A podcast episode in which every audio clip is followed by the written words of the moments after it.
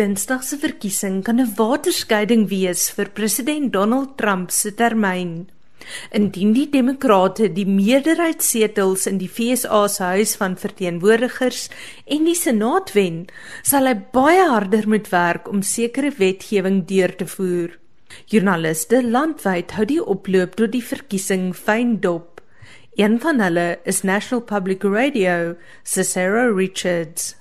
I definitely think there's a lot of enthusiasm right now going on in the country. I mean, this is the first time I feel like there's been so much excitement and attention to voter, getting people registered to vote. So I think voter turnout's going to be huge in this midterm election.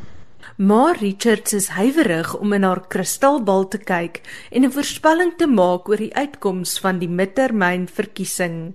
Historically, the party that usually picks up a lot of seats in the midterm elections is opposing or opposition party from what's in the White House. So I think you could somewhat comfortably say that it's likely the Democrats will pick up a lot of seats in the House of Representatives. We don't know, but I'm just following the polls as closely as I can, and it does seem likely that at least the House will go for the Democrats.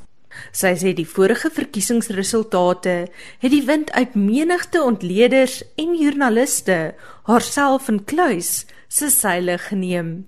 And I definitely like many many other people around the country did not accurately predict the outcome of the 2016 election.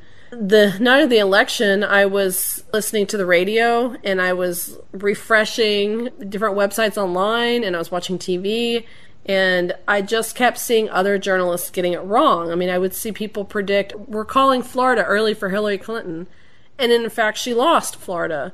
And then in the days after and the months after, I really started thinking how much of a bubble a lot of journalists got caught in during the election because many huge news publications in the United States are in big cities and those tend to usually be solidly blue. I'm not saying that all journalists vote or believe one way or the other, but I just think that you kind of get caught in a bubble and you don't really realize what's going on in other parts of the country.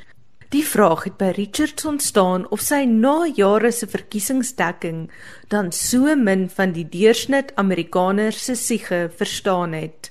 A few weeks after the election, I drove home to my home state of Tennessee, which solidly voted for Trump. And just passing signs on the interstate and seeing bumper stickers it was just sort of like a door hitting me in the face realizing like did trump won this election handily in a lot of other places? And it seems like well if you're in dc you don't see anybody that votes for trump but you go outside to more rural areas. And I just think that so many journalists and people that are sitting on TV talking heads predicting the outcome really weren't experiencing what a lot of other people in the country were. Sarah Richards is 'n voormalige politieke verslaggewer vir die Amerikaanse parlementêre kabelnuusagentskap C-SPAN. Tans is sy projekbestuurder by National Public Radio. Ek is Anne Marie Jansen van Vuren vir SAK nuus in Washington DC.